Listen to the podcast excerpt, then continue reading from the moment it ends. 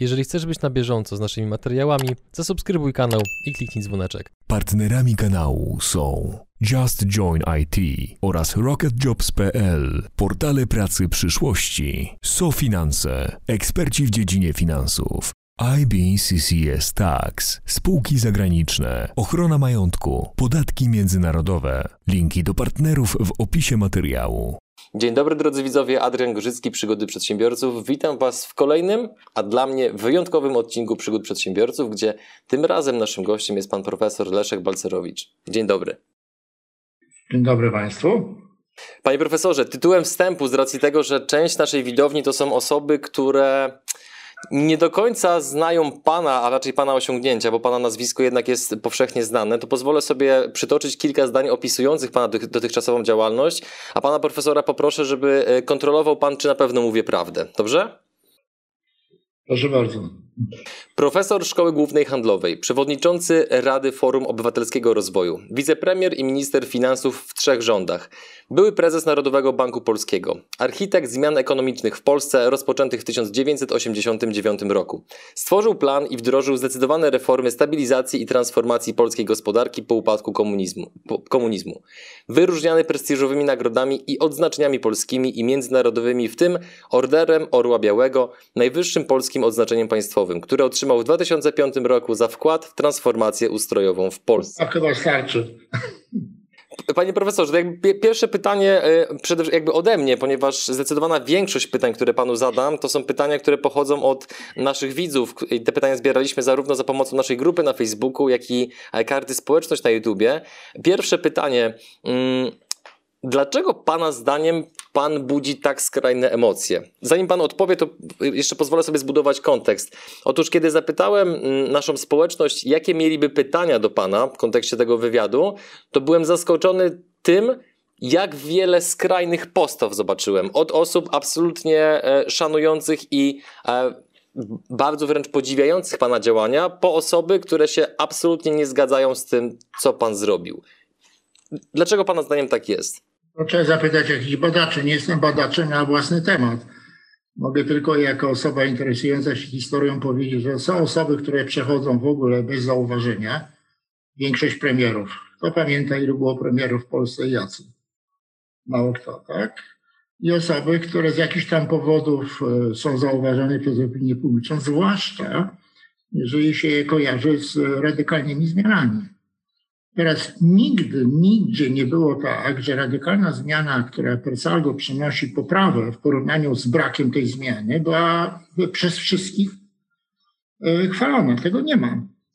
Wydaje mi się, że to jest najkrótsze. Już nie będę wchodził w głębsze wyjaśnienia, ale to jest najkrótsze. Jeżeli ktoś sobie tylko urzęduje, jest premierem, wicepremierem, ministrem, nie zrobił niczego, co by z jednej strony poprawiało warunki życia, z drugiej strony sprawiało wrażenie, że komuś tam się popsuło, to nie będzie w ogóle znany. To w takim razie przejdźmy do pierwszego pytania od naszych e, widzów. E, będę czytał je dosłownie, więc jakby proszę się nie gniewać, że w niektórych miejscach po prostu nie będę używał tytułu profesor. Czy odpowiada to panu? To może umów... Przepraszam bardzo, umówmy się, ja nie, nie znoszę tego tytułu i on mi nie jest potrzebny w ogóle. Najlepiej jak ludzie do, mówią do mnie, a bardzo często panie Leszku. I Dobrze. Ludzie, którzy mnie nie znają na ulicy.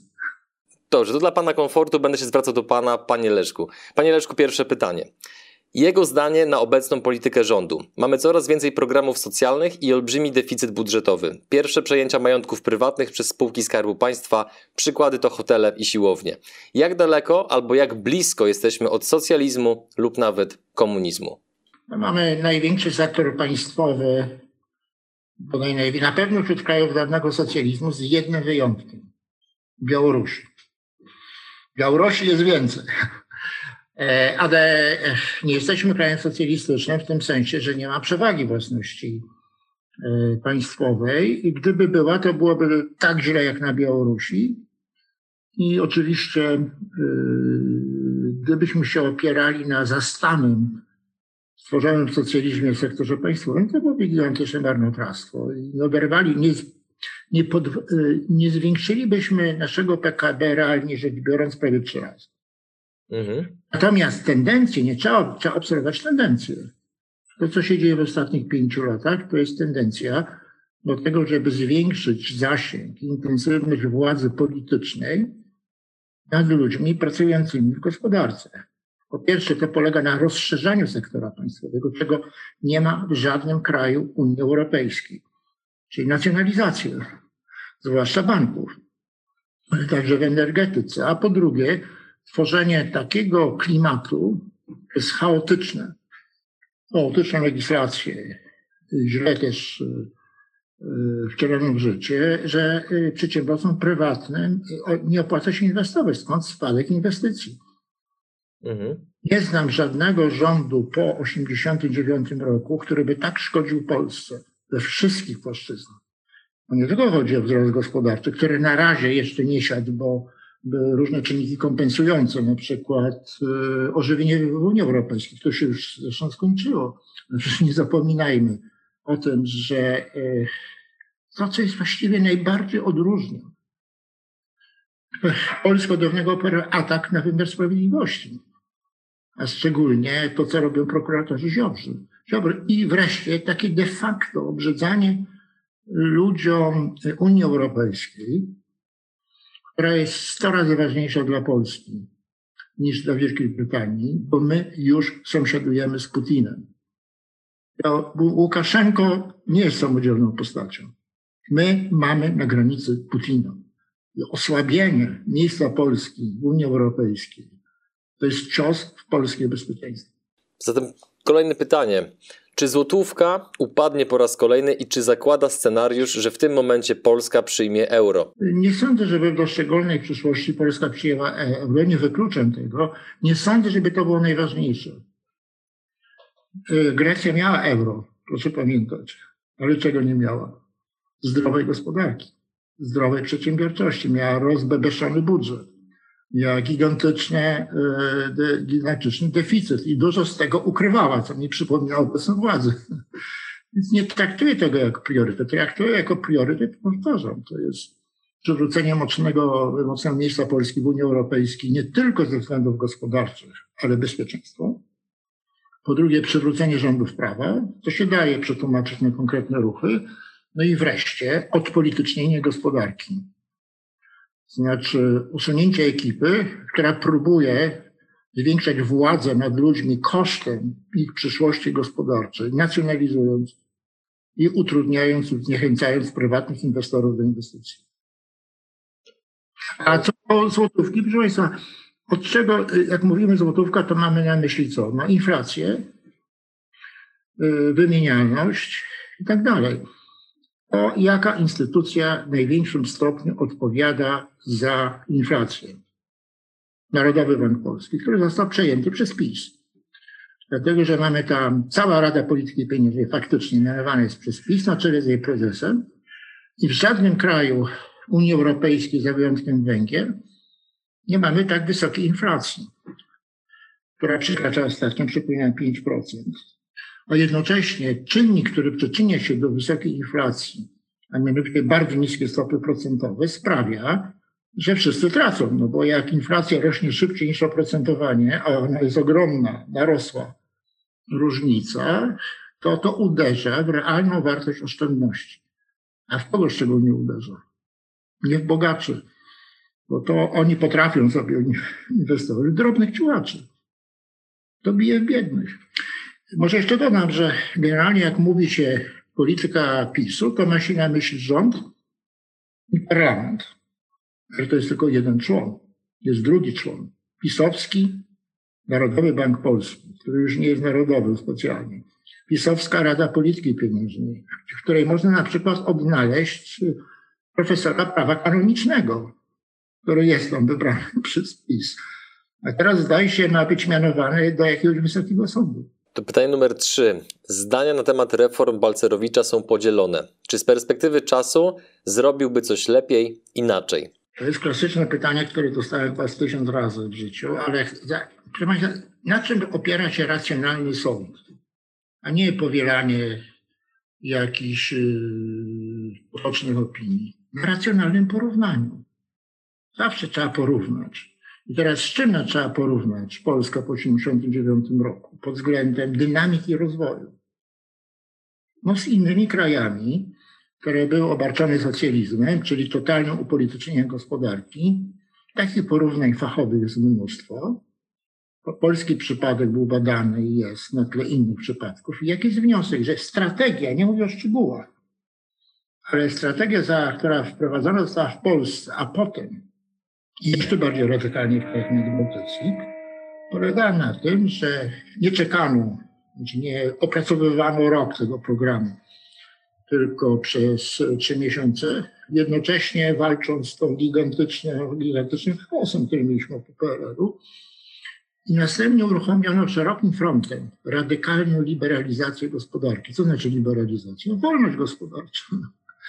E, łącznie z prowadzeniem wymienialności złotego oraz liberalizacją handlu. Także mogło powstać mnóstwo drobnych firm i powstało na początku w handlu, co jest zupełnie zrozumiałe, importujących albo zapatrujących na kontakt z rynkiem, a drugie to jest no, walka z tą gigantyczną inflacją, która, przypomnę, e, w końcu 1989 roku wynosiła od 20 do 40% miesięcznie. I oraz trzeci człon to była próba szybkiego realizowania przeobrażeń instytucjonalnych. Jakie było najważniejsze przeobrażenie instytucjonalne polskiej gospodarki, ważne politycznie? Przejście od totalnej własności państwowej do zdecydowanie dynamii przeważającej własności prywatnej. Przecież co to był socjalizm? Monopol własności państwowej.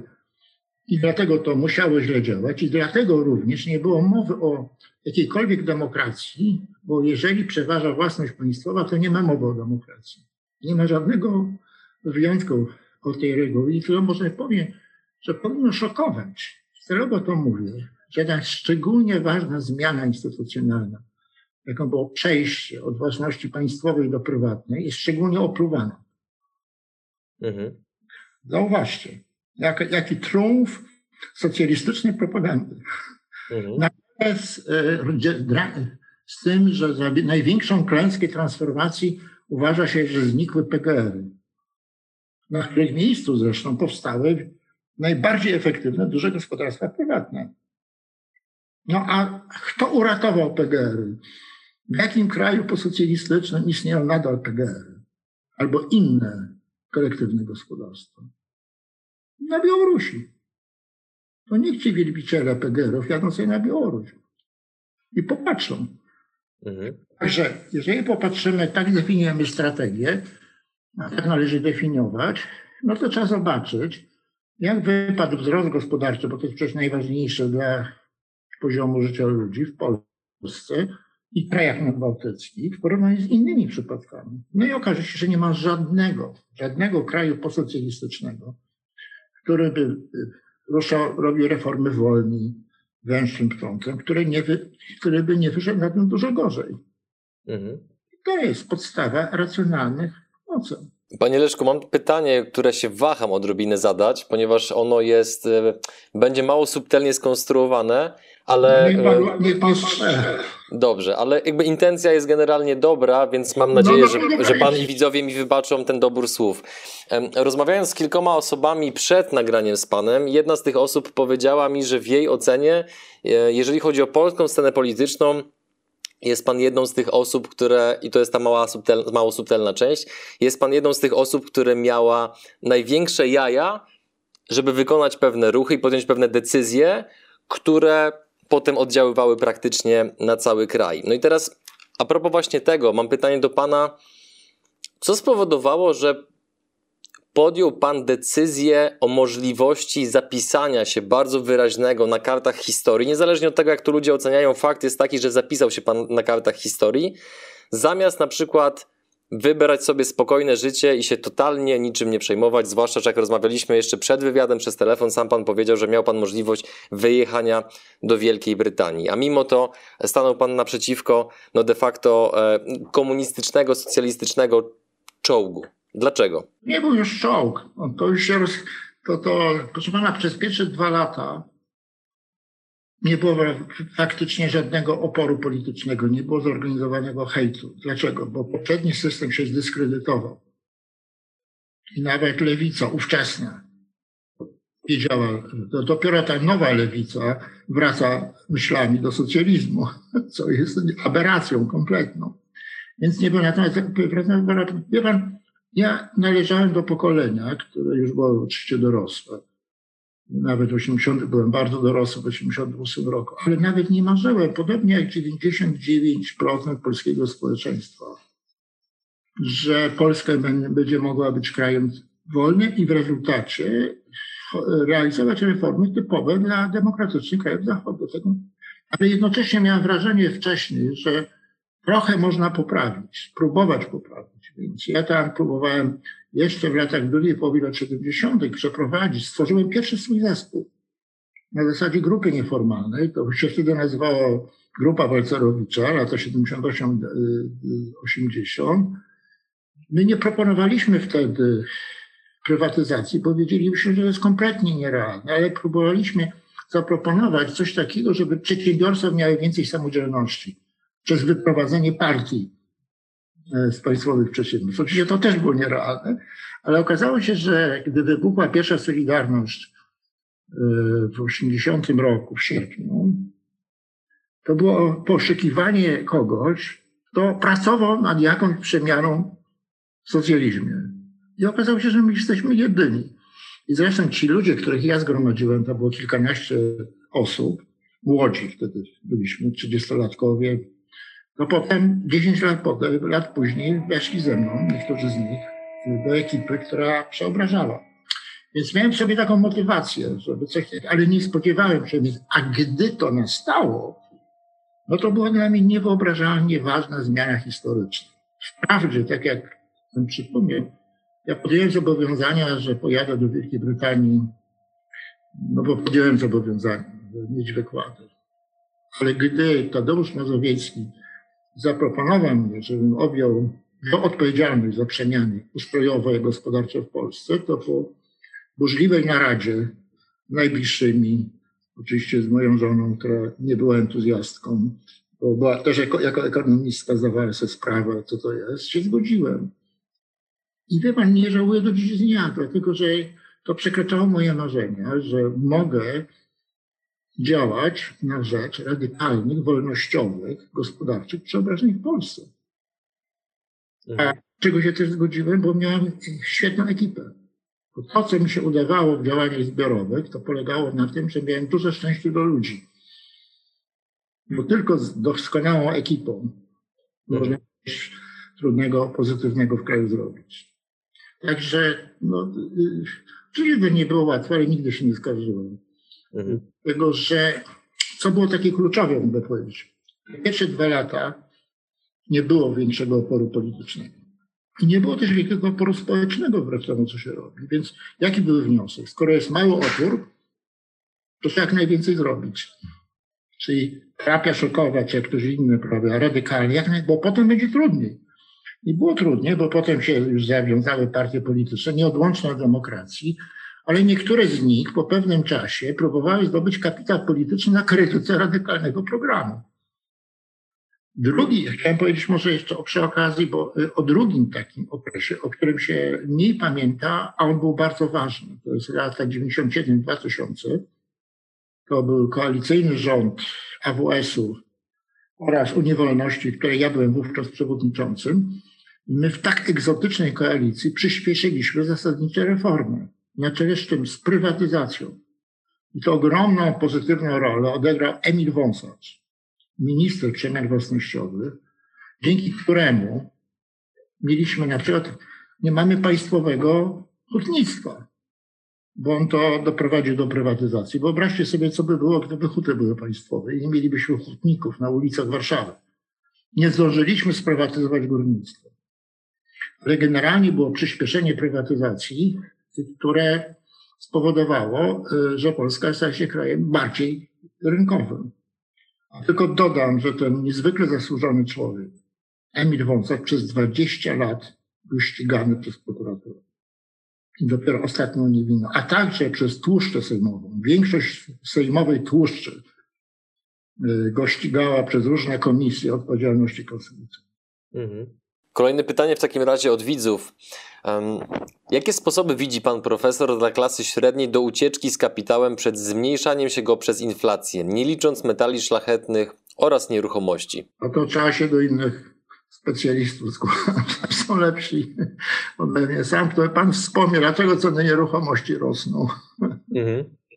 Glapiński napędza ceny e, nieruchomości, powodując, że ludzie tracą na e, depozytach w bankach. No to, to próbują uciec e, w ten sposób. Kolejne pytanie zatem. Jakie będą skutki dla gospodarki w przypadku faktycznej realizacji nowego ładu wedle proponowanych założeń? Proszę Państwa, po pierwsze to jest tak zwany nowy ład albo w cudzysłowie nowy ład, bo przecież oni żerują, cały czas to jest żerowanie na propagandzie, żeby stworzyć wrażenie, że czarne jest białe. Dewiza propagandy PiSu czarne jest białe, proszę pamiętać. I to jest kilka rzeczy. Ale co jest, co jest sednem, jak się popatrzy, co jest istotą tej, sprawy, tej, tej, tej propozycji? Istotą tej propozycji to jest to, że jak będzie kolejny transfer pieniędzy od ludzi pracujących do niepracujących. To jest pisowska recepta na rozwój. Pierwszy duży transfer dokonał się wtedy, kiedy obniżyli wiek emerytalny. W wyniku czego e, wzrosła liczba niepracujących emerytów, a zmalała liczba osób pracujących. Tak? No i to wtedy zaczęli dokładać emerytom, trzynastka, czternastka i tak dalej, i tak dalej. Więc to jest antyrozwojowe. Po drugie, przewiduje, że będzie jeszcze większy chaos w podatkach. I tak jest chaos bo oni to robi PiS. PiS nie patrzy w kategoriach, co najlepiej służy ludziom, czyli rozwojowi gospodarki. Tak? To co wtedy służy? No więcej wolności w ramach dobrych reguł. Tak? Oni patrzą, jakie głosy można sobie kupić. A jakie można zlekceważyć i być może spisali już na straty głosy klasy średniej. Czy co to będzie? Już jest chaos, dlatego że Niektóre zapowiedzi mówią, że e, mają być bardziej opodatkowani ci, którzy e, są samozatrudnieni, czy mikroprzedsiębiorcy i tak dalej. No jak oni mają drogi wyjścia? Nie, ja tu nie odkrywam żadnych tajemnic, bo co się pisze. Mogłem przejść na ryczałt. A ryczałt akurat na początku tego roku został zliberalizowany, że można być na ryczałcie z 200 tysięcy obrotów do przychodów do 2 milionów. W związku z tym, jak oni będą próbowali to robić, no to uruchomią gigantyczne przekształcenia, takie jałowe przekształcenia i w efekcie prawie oprócz chaosu, moim zdaniem, się prawie nic nie zmieni. E, a jednocześnie na dodatek czytam, jak pan Gowin zapowiada, że on będzie forsował ulgę dla klasy średniej. Czyli w efekcie będziemy mieli system, w którym każda grupa będzie miała jakąś ulgę, czyli będzie chaos. A oczywiście w żadnej mierze to y, ten chaos tylko utrudni rozwój. I to, że kolejny transfer miałby nastąpić od niepracujących, od pracujących do niepracujących. Inne propozycje, koncert życzeń. Przecież jeżeli się zapowiada, że się dołoży ileś miliardów jakiegokolwiek sektora, to trzeba przed tym powiedzieć, co się tam poprawi. Jak lepiej te pieniądze będą wydatkowane. Mówię o tym zdrowiu. Przecież jest mnóstwo, ale oni tego nie robią, bo uważają, że najważniejsze to jest kupowanie głosów przy pomocy obietnic, bez żadnej głębszej diagnozy i następnie propozycji terapii. Odlizywanie się tym, którzy chcą kupić domy czy mieszkania. W jaki sposób się autentycznie pomaga? Po pierwsze, jeżeli zwiększa się podaż, liberalizuje się, usuwa poprzez, żeby będzie było więcej tych budów. A co oni robią? Zwiększają popyt, czyli dopłaty różne i tak dalej, ulgi. Co z tego wyniknie? Wyższe ceny. Zawsze jak zwiększamy podaż dzięki liberalizacji, to jest więcej produktów i ceny nie muszą rosnąć, mogą nawet zmaleć. A jeżeli dosypujemy, zresztą z pieniędzy podatników, bo skąd się to bierze, no to ceny rosną. Co jeszcze, proszę Państwa? No wiadomo było, na samym początku, że 500 plus to jest chucpa, jeżeli chodzi o zapowiadany główny cel, to znaczy, że będzie więcej dzieci. To było jasne, zanim to uruchomili.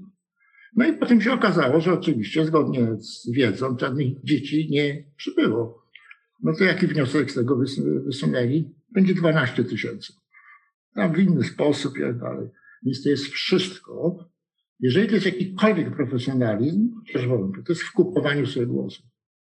Ale nie w dbaniu o to, żeby polska gospodarka była stabilna i żeby nie wytracała szybkości.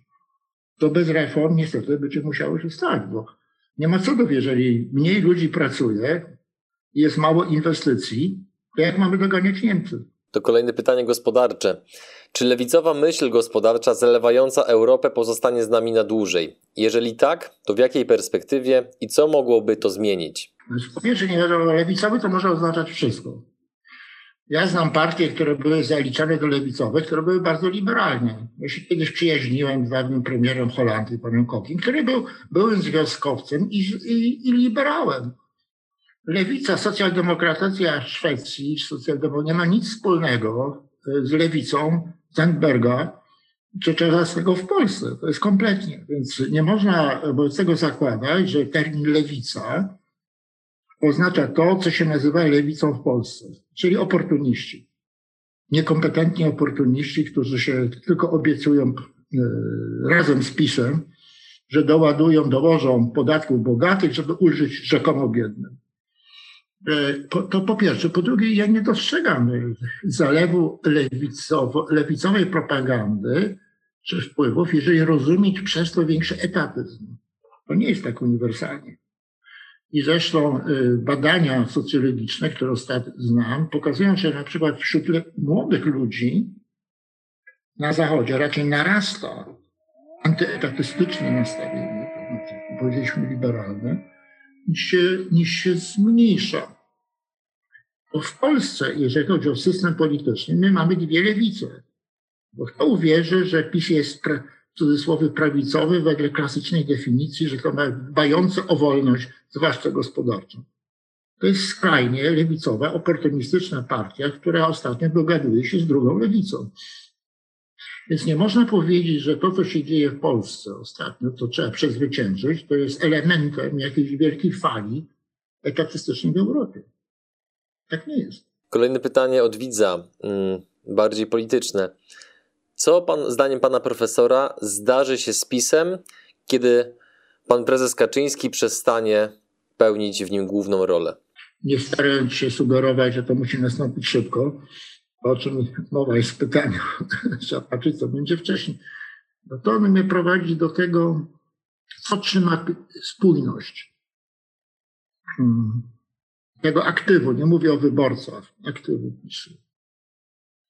No po pierwsze, to jest mała grupa, fanatyczna wiara w czarny, że czarny jest białe. To znaczy, że poprzednio było samo zło, oni teraz tworzą białe i jakaś y, religijna prawie wiara niesłychaną mądrość Kaczyńskiego, co jest dosyć zabawne. Ale to się zdarza. Druga, druga grupa, niekoniecznie duża, ale spora, to jest ci, którzy uważają, że oni już spalili za sobą mosty. To znaczy, że uczestniczyli w tworzeniu takiego zła, zwłaszcza w legislacji, że mogą iść tylko do przodu. Ale cała reszta to są ludzie, którzy nie są fanatykami, nie sądzą, że już spalili. To są po prostu oportuniści. Przez oportunizm rozumieć pewną taką postawę ludzką, że ludzie tam, niektórzy, jakby to powiedzieć, nie przejmują się specjalnie ograniczeniami moralnymi, tylko bodźce są ważniejsze. To na przykład prokuratorzy Ziobro. Przez prokuratorów Ziobro rozumie tych prokuratorów, którzy awansowali przez, dzięki Ziobrze i następnie prześladują wybranych ludzi. Tych, którzy namierzyli. I ci ludzie muszą być rozliczeni. Absolutnie. Bo nie ma nic gorszego niż wymiar sprawiedliwości używany do zwalczania osób skazanych odgórnie. Okej, okay. więc, ale są inni. I zachowanie tych innych, tej reszty, będzie zapytać od jednej rzeczy. Jak, jakie będą perspektywy odsunięcia od władzy? Jakie będą objawy? To znaczy, na ile poprawi się organizacja w partiach opozycyjnych i ich współpraca. A to jest możliwe. Znaczy ja oczywiście patrzę bez entuzjazmu na to, co się dzieje, ale nie spisuję opozycji na stratę. I oczywiście jest ogromna rola, jak mówię, opozycja, to nie tylko opozycja polityczna, ale obywatelska. Dlatego sam założyłem kilkanaście lat temu think tank i sam działam również przez FOR. Mhm. Szczególnie jeżeli chodzi o demaskacja kłamstwa, blagi i tak dalej. Bo jak mamy zalew kłamstwa, to trzeba to demaskować. I to demaskować w taki sposób, żeby to było wyraziste. Mhm. Codziennie wymyślam dwa tweety. Tak, widziałem, że pan profesor jest na Twitterze bardzo, bardzo aktywny, więc polecam naszym widzom właśnie sprawdzić, bo tych wpisów jest faktycznie bardzo dużo. A teraz przechodzimy do kolejnego pytania od e, naszych widzów. Jak według profesora zachowa się Rada Polityki Pieniężnej w kwestii stóp procentowych na przestrzeni najbliższego roku, dwóch lat, trzech, pięciu lat? Dlaczego? Nie wiem. Po prostu nie wiem. Natomiast to jest bardzo ważne pytanie, bo to jest e, ostateczny test Glapińskiego i jego pisowskich kolegów. To, co do tej robili, to wyraźnie szkodziło ludziom, zwłaszcza biedniejszym. Tolerowanie czy napędzanie wysokiej inflacji, bijącej wartość no i co będzie dalej? Ja mogę tylko powiedzieć tyle, że wzmocniony nacisk w formie opinii jest bardzo ważny w przypadku, kiedy się widzi, ma do czynienia ze złą polityką. Yy, nie zmieni się zasadniczo w najbliższym czasie skład Rady Polityki Pieniężnej, to się zmienia stopniowo, więc nie można czekać na to, aż się zmieni tylko wywierać wpływ poprzez fachowe, negatywne opinie, na co absolutnie grupa Glapińskiego zasługuje. Dzięki, że jesteś z nami i oglądasz nasze filmy. Chcielibyśmy przekazać Ci krótką informację. Przygody przedsiębiorców to nie tylko wywiady. Na co dzień zajmujemy się przede wszystkim wideomarketingiem na YouTube. Jeśli chcesz, aby Twoja firma zaczęła generować lidy z platformy, która zrzesza ponad 20 milionów użytkowników w samej Polsce, to wejdź na przygody.tv i sprawdź, jak możesz z naszą pomocą skorzystać z potencjału YouTube'a, zanim zrobi to Twoja konkurencja. Jak wzrost płac i wysoka inflacja przełożą się w długim terminie na konkurencyjność polskiej gospodarki, biorąc pod uwagę, że jesteśmy głównie montownią, która robi się coraz droższa. Czy różowe okulary dzisiaj nie sprawią, że się obudzimy z ręką w nocniku za 10 lat? Najpierw odniosę się do tej montowni, bo takie pogardliwe określenie, prawda, montowni. My mamy sporo bardzo e, zaawansowanych technologicznie e, produktów. To prawda jest, że wielką rolę odegrał kapitał zagraniczny w modernizacji polskiej gospodarki, zwłaszcza w eksporcie. Najnowocześniejsze wyroby, ale one są nowoczesne, są związane z inwestycjami zagranicznymi. a gdzie ich nie ma? No, one są i w Czechach, i na Węgrzech. Nie ma ich na Białorusi. Więc ci, co tak walą w tą montownię, to nie wiedzą, co robią. Albo tak zwane niskie płace. Tak? Oczywiście, że płace są niższe niż w Niemczech. No ale dlaczego? My mamy 30 lat kapitalizmu, a Niemcy zachodnie znacznie dłużej. Tak? Co by było, gdybyśmy chcieli podnieść płace do poziomu niemieckiego, mając ten sam PKB? Płace były musiały być większe trzy razy niż PKB, czy dwa razy niż PKB, czyli ruina. To tak na marginesie, bo się przewijają takie określenia, które nie są adekwatne do rzeczywistości. A teraz jeżeli, to jest prognoza ostrzegawcza, bo jeżeli rzeczywiście mielibyśmy do czynienia w ślad za rosnącą inflacją, rosnącymi płacami jeszcze bardziej, no to prędzej czy później doszłoby do erozji konkurencyjności, która jest podstawą naszej dynamiki gospodarczej. Także ogromna jest odpowiedzialność e, NPP-u i rządu PiSu. Proszę, jedno dane. Proszę Państwa, e, Proszę. jeżeli mogę, tak?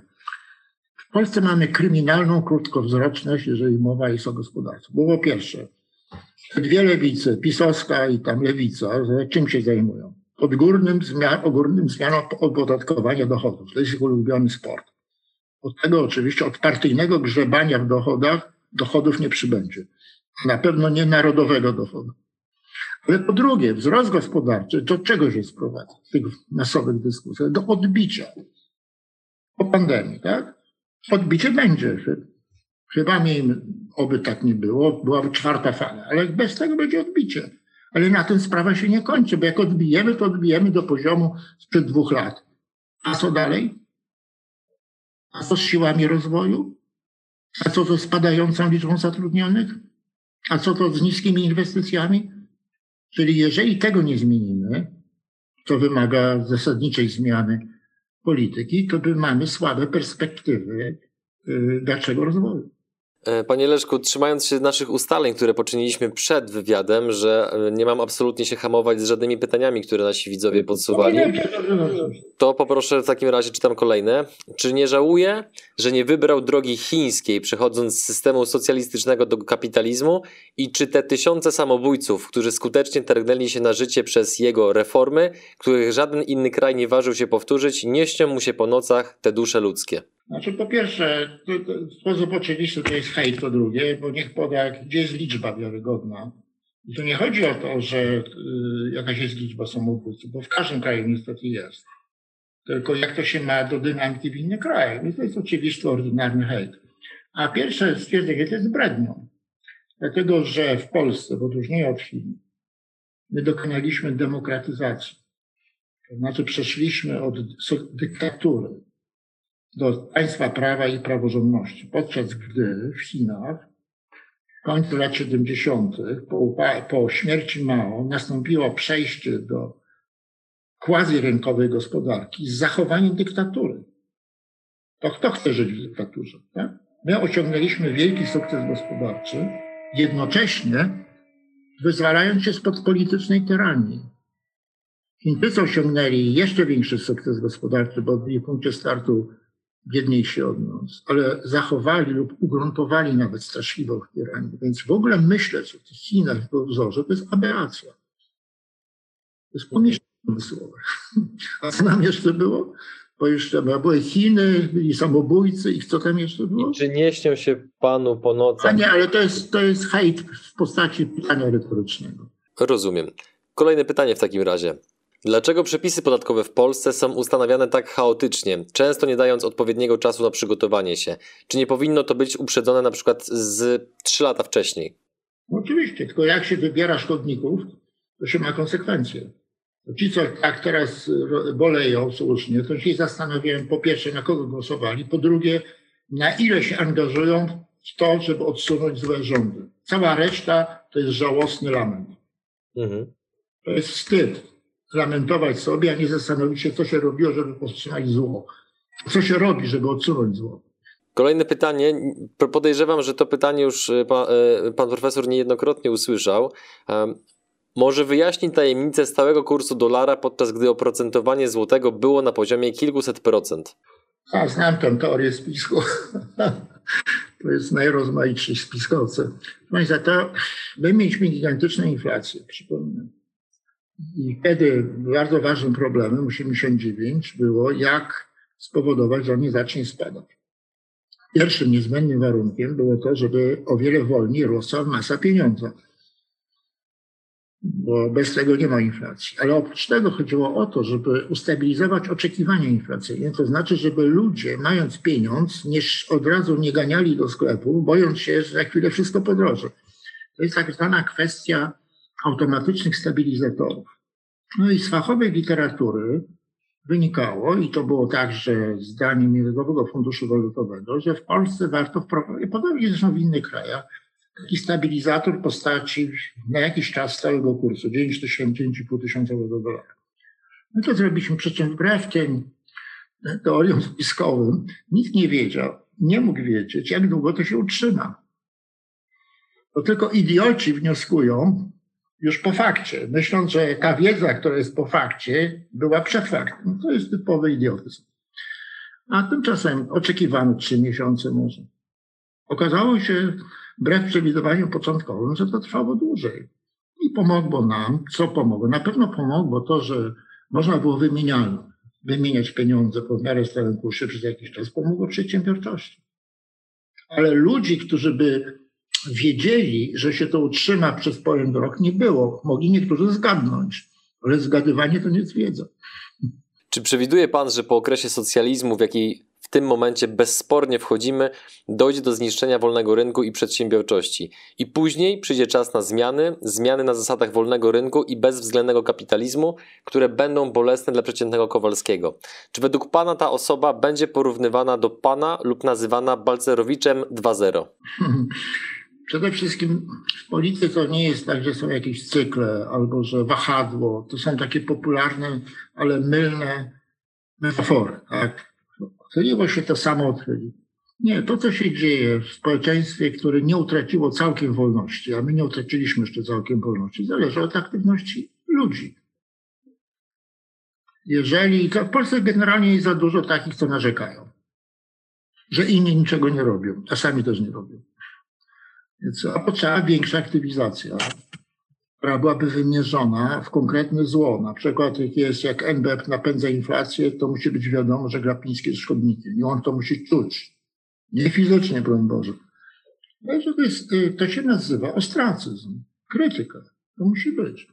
Więc to, co się dzieje, to nie jest z góry zadane. Może Pan Bóg wie, co tam będzie, ale przeciętny śmiertelnik nie wie, tylko ono jest wypadkową ludzkich dążeń. Trzeba, jak widzimy, że idzie ku złemu, to tym bardziej musimy działać, żeby to zablokować. My nie mamy socjalizmu w takim klasycznym sensie tego słowa. To znaczy, że gospodarka jest cała państwowa. My mamy tendencję ta nacjonalizacja, o której mówiłem, to jest tendencja ku socjalizmowi, ale nie wprowadzenie całościowego socjalizmu. Ta tendencja oczywiście jest zła, bo to jest tak naprawdę ruch ku y, modelowi Łukaszenki.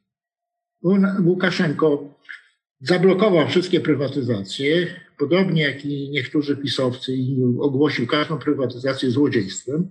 To jest w Polsce bardzo popularne w tych kręgach antyliberalnych, ale to Łukaszenko wymyślił. Oni powtarzają Łukaszenko zamroził, dopuścił rozwój nowych prywatnych firm, ale w efekcie gospodarka Ukrainy, y, białoruska to jest dziś połowa państwowych, połowa niepaństwowych, ale też politycznie kontrolowanych. Czyli mówiąc krótko, jest dostatecznie dużo zagrożeń widocznych y, w ciągu narastających w ciągu ostatnich pięciu lat, żeby nie narzekać na innych, nie, nie, nie lamentować, tylko się gdzieś zapisać albo działać na Twitterze. Jest tyle grup, które y, próbują demaskować to zło, jak się dzieje w polskiej polityce i gospodarce. Niejednokrotnie w historii Polski nie tylko zdarzało się, że osoby niewygodne władzy po prostu znikały. Czy wobec tego pan profesor nie obawia się o swoje bezpieczeństwo, tak otwarcie głosząc pewne tezy i nie zgadzając się z tym, jak obecnie wygląda kształt rządów i gospodarki? Proszę pana, nawet gdybym miał takie obawy, to by mnie nie powstrzymało to, y, bo tam się, powtarzam, jeżeli ktoś z jakichś tam względów może mieć wpływ na ludzi poprzez wypowiedzi, komunikację, chociażby takie spotkanie, to powinien to robić. To jest obowiązek moralny. Bo potem może być trudniej. Czy teraz jest łatwiej, więc czas to odgrywa no, ogromną rolę.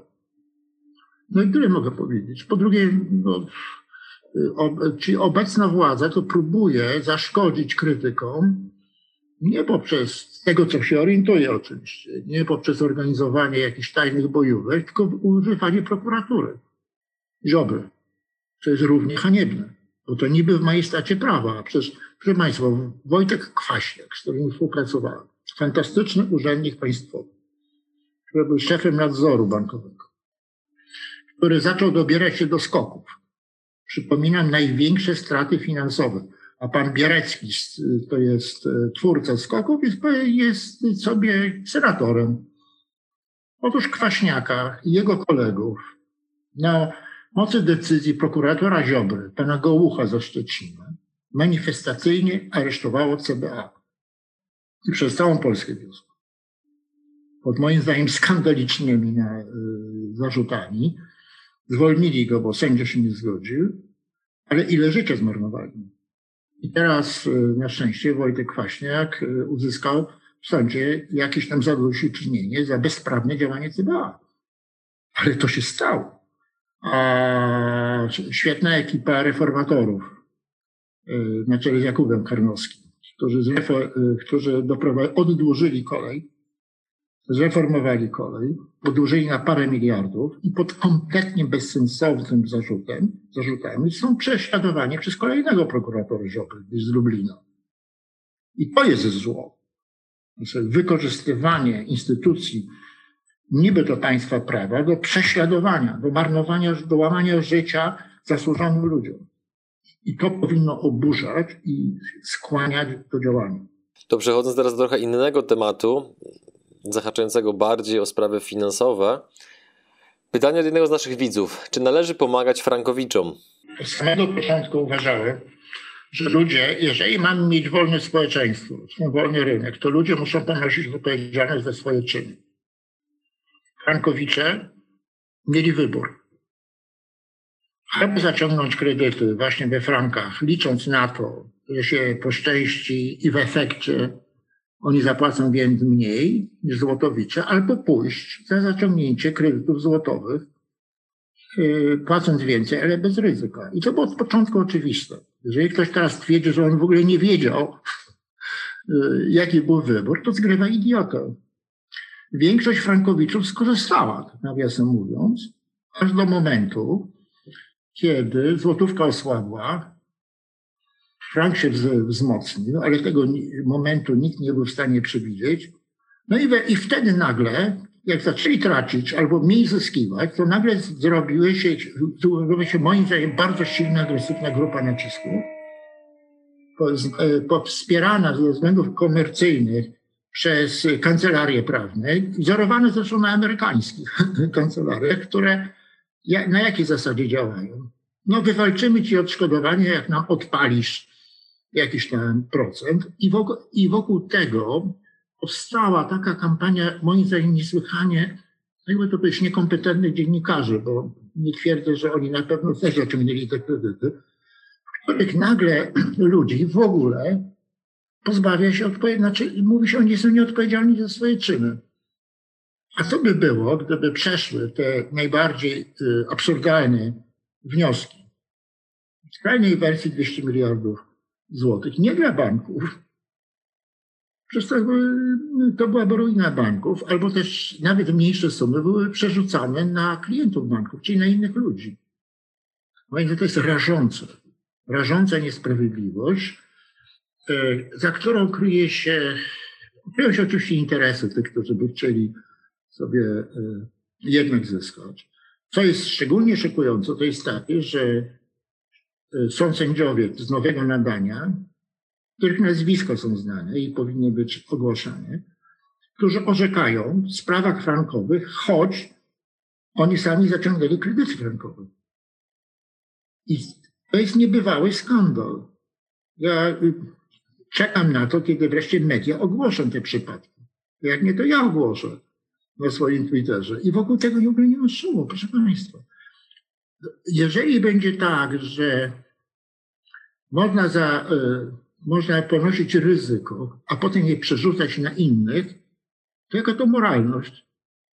Jak i w ogóle gospodarka. Kiedy nie ma, wolność istnieje tak długo, jeżeli ponosi się odpowiedzialność za ryzyko.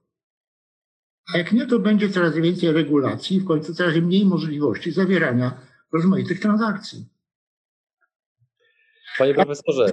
Proszę pana, dlatego jestem jednym z głównych wrogów Frankowiczów. Frankowiczów. To w takim razie kolejny temat. A propos e, kruszców. Panie profesorze, czy w dobie drukowania pustego pieniądza przez banki centralne największych ekonomicznie państw jest możliwe państwo współpracujące w ramach światowego handlu oraz posiadające walutę opartą na złocie lub zestawie różnych kruszców? Wiemy, że bardzo dobrym systemem monetarnym był system waluty złotej, gold standard. On istniał w krajach rozwiniętych gdzieś drugiej połowie XIX wieku i ostatecznie został rozbity przez I wojnę światową. Ale to był system dlatego, że on był światowy. To znaczy, że główne kraje, łącznie Stany Zjednoczone, Wielka Brytania, Francja, one współuczestniczyły i oni tworzyły wtedy system nie tylko dobrych rozliczeń wewnętrznych, ale światowy. Także sądzę, że nie da się, żeby jakiś jeden kraj pojedynczo to zrobił. No musiała być grupa krajów najbardziej rozwiniętych, za którymi poszłyby następne kraje. Kolejne pytanie, takie no, troszeczkę chyba zaczepne, ale to już yy, pan, panie Leszko, niech pan decyduje. Dlaczego nie zostawił w spokoju ustawy Wilczka, tylko skasował wolny rynek skomplikowanym i głupim prawem podatkowym? To jest kolejna taka bzdura, bo tych, którzy uważają, że na ustawie Wilczka, którego zresztą lubiłem ze wzajemnością, zakończyła się cała transformacja i nic więcej nie trzeba było robić. Ja znam ten, ten taki dość naiwny hejt. Proszę Państwa, my mieliśmy taką sytuację po ustawie Wilczka, jak Gorbaczow w Rosji. Za Gorbaczowa prowadzono coś podobnego. Znaczy, zalegalizowano firmy prywatne pod nazwą spółdzielni, bo prywatne to źle brzmiało, to w obecności gigantycznego sektora państwowego. W Polsce tak samo było. Przecież tam przeważał sektor państwowy. I na tym miała się zakończyć transformacja? I co się stało w Rosji? W Polsce na szczęście udało nam się uniknąć. Te nowo powstające firmy były powiązane z dyrektorami przedsiębiorstw państwowych i dochodziło do rozmaitych ciemnych interesów, wyprowadzania majątku, drążenia itd. Tak itd. Gdybyśmy na tym podstawę mielibyśmy tę drogę. Na szczęście w Polsce to był tylko początek. Ja, jak powiedziałem, yy, uważałem, że Wiczek zrobi istotną rzecz, też taką, że każdy by zrobił, rozumiem, bo przecież zakaz prywatnej działalności to yy, był bastion socjalizmu. Ale bez następnych zasadniczych reform, stabilizacji złotego, radykalnej liberalizacji gospodarki, zwłaszcza wprowadzenia wymienialności, następnie prywatyzacji, to byśmy zakończyli tak na etapie Gorbaczowa. Więc y, trzeba mieć otumanione, ale ja znam to, ten hejt taki, że na Wilczu... Poza tym jeszcze jedno, ci ludzie, czy ze złej woli, czy może z głupoty, z braku wiedzy, nie zdają sobie sprawy, że przed wprowadzeniem demokracji, normalnych reguł gry, to gdy rządziła jedna partia, to nawet nie były potrzebne przepisy, żeby wydawać dyspozycje. Można było rządzić przez telefon. Pierwszy sekretarz rządził przez telefon. Za PZ, PZPR. A jak przeszliśmy do praworządności, no to oczywiście i demokracji, to oczywiście można było rządzić przez telefon. To teraz rządzą przez telefon. W tym pisowskim bloku Sofina. Nie, to y, trzeba było wprowadzać przepisy. I, I przepisy stały się także przedmiotem y, debat politycznych i gry interesów. I tak jest w każdym kraju demokracji. Ja tego nie, chwa, nie, po, nie pochwalam, ale mówię, taka jest rzeczywistość. Jeżeli chce się przeciwstawić nadmiernym restrykcjom, to trzeba zorganizować silniejszy blok liberalny, broniący wolnego rynku. A ci, dla których y, wolność zakończyła się na na Wilczku, oni prawdopodobnie nic nie robią, bo nic nie rozumieją. Albo rozumieją tylko hejt. I uważają się, że oni są prawdziwymi liberałami. To kolejne pytanie a propos złota. Czy ma Pan ekspozycję na złoto? Czy złoto zyska na wartości w ciągu następnych 10 lat? A, gdybym wiedział, po pierwsze to bym nie powiedział. Ale nie wiem, bo nie mogę wiedzieć. Natomiast mogę powiedzieć, wiecie doskonale, więc to, co powiem, jest banałem, że jeżeli są większe, im większe są obawy co do wartości pieniądza papierowego, tym bardziej ludzie szukają ratunku, czy ustoi, kotwic, czym innym. Trzeba patrzeć na, ja dodam, ja uważam i to pisałem i wypowiadałem się również na Zachodzie, że polityka banków centralnych Zachodu na czele z Fedem była karygodna. Znaczy ta polityka poza łatwego pieniądza, tego trzymania, ona doprowadziła do takiej sytuacji, że bardzo trudno teraz jak jest z tego wyjście. Proszę zauważyć, że banki centralne na czele z Fedem uzależniły się z jednej strony od polityków, tak de facto, którym zaczęły służyć, y, drukując masę pieniądza i kupując obligacje skarbowe po wysokich cenach, ale także od rynków finansowych. Bo najmniejsza pogłoska że stopy procentowe mogą wzrosnąć, robi tam panikę na rynku i wtedy ci bankieri się wycofują nagle. Ostatnio pani Jelen, która była szefową Fedu, a teraz jest y, ministrem skarbu, ona coś tam powiedziała jakiś czas temu, że może trzeba będzie tam stopy procentowe. Jak rynki się zaniepokoiły, to są ci krótkookresowi gracze. To natychmiast się wycofała. To jest żałosne. To kolejne pytanie od y, osoby, która ma pewne wątpliwości e, względem Pana dokonań, czytam. Dlaczego transformację gospodarczą przedstawia się jako sukces? Bezrobocie w 2004 roku po wejściu do Unii Europejskiej na poziomie 20%. Pierwszy raz poniżej 10% w 2016. Prawie 30 lat. Ogromna emigracja, kasa z Unii Europejskiej i nadal jesteśmy tylko tanią montownią. Dlaczego te reformy są określone jako udane? Po 30 latach nawet powietrze w tym kraju nie jest w dobrym stanie. No typowy hejter, bo satyra, nieudolna satyra, bo to nawet takie łomotanina. Więc yy, po plecie izolacji od faktów. Po pierwsze, w Polsce mieliśmy wyż demograficzny, w odróżnieniu od pewnych innych krajów. Ja pamiętam, jak próbowałem, to było w czasie mojej drugiej kadencji, w 2000 przeprowadzić liberalizację prawa pracy, żeby bardziej opłacało się pracodawcom zatrudniać. No niestety już się nie udało. Już mieliśmy ten socjal, to socjalizm nastawiony. Ale cofając się, jeden z błędów, jaki popełniono, akurat nie udało mi się tego zatrzymać, bo miałem za małą ekipę, to było takie, że Ministerstwo Pracy w 1989 roku przeprowadziło, przeforsowało, ale właściwie tak bez większych oporów, absurdalne zasiłki dla bezrobotnych. Mianowicie takie, że każdy absolwent od razu mógł trafić na zasiłek, niestety. I tego nie ma na Zachodzie. Oni chcieli tak strasznie dobrze. To był zresztą kochany Jacek Kuroń, którego szanowałem i tak dalej, ale my nie zdążyliśmy go zatrzymać. Nas była czterdziestka. No to było tyle, tak? I wskutek tego nagle namnożyło się statystycznych bezrobotnych pobierających pieniądze, czego nie było w Czechach. Bo Czesi byli w tym punkcie, punkcie rozsądniejsi. Co do tego powietrza, to trzeba przypomnieć, że my zwiększyliśmy rozmiary PKB, czyli poziom życia, trzy razy, a emisja CO2 zmniejszyła się o 25%. Ciągle jest tego za dużo, ale kolosalnie, czyli w przeliczeniu na jednostkę PKB trzy razy się to zmniejszyło. A tego by nie było, gdybyśmy zachowali socjalistyczną strukturę produkcji. Było to ciężkie i tak dalej. Więc mówiąc krótko, no to był jakiś ciężki wysiłek niezbyt lotnego umysłu albo jakiegoś hejtera, który chciał, próbował sprowadzić e, to, co jest sukcesem Polski niebywałym. Proszę Państwa, my przecież zaczęliśmy doganiać Zachód dopiero w 1989 roku, sprowadzić do żałosnej karykatury. Ale w społeczeństwie, tak jak w przyrodzie, są różne okazje.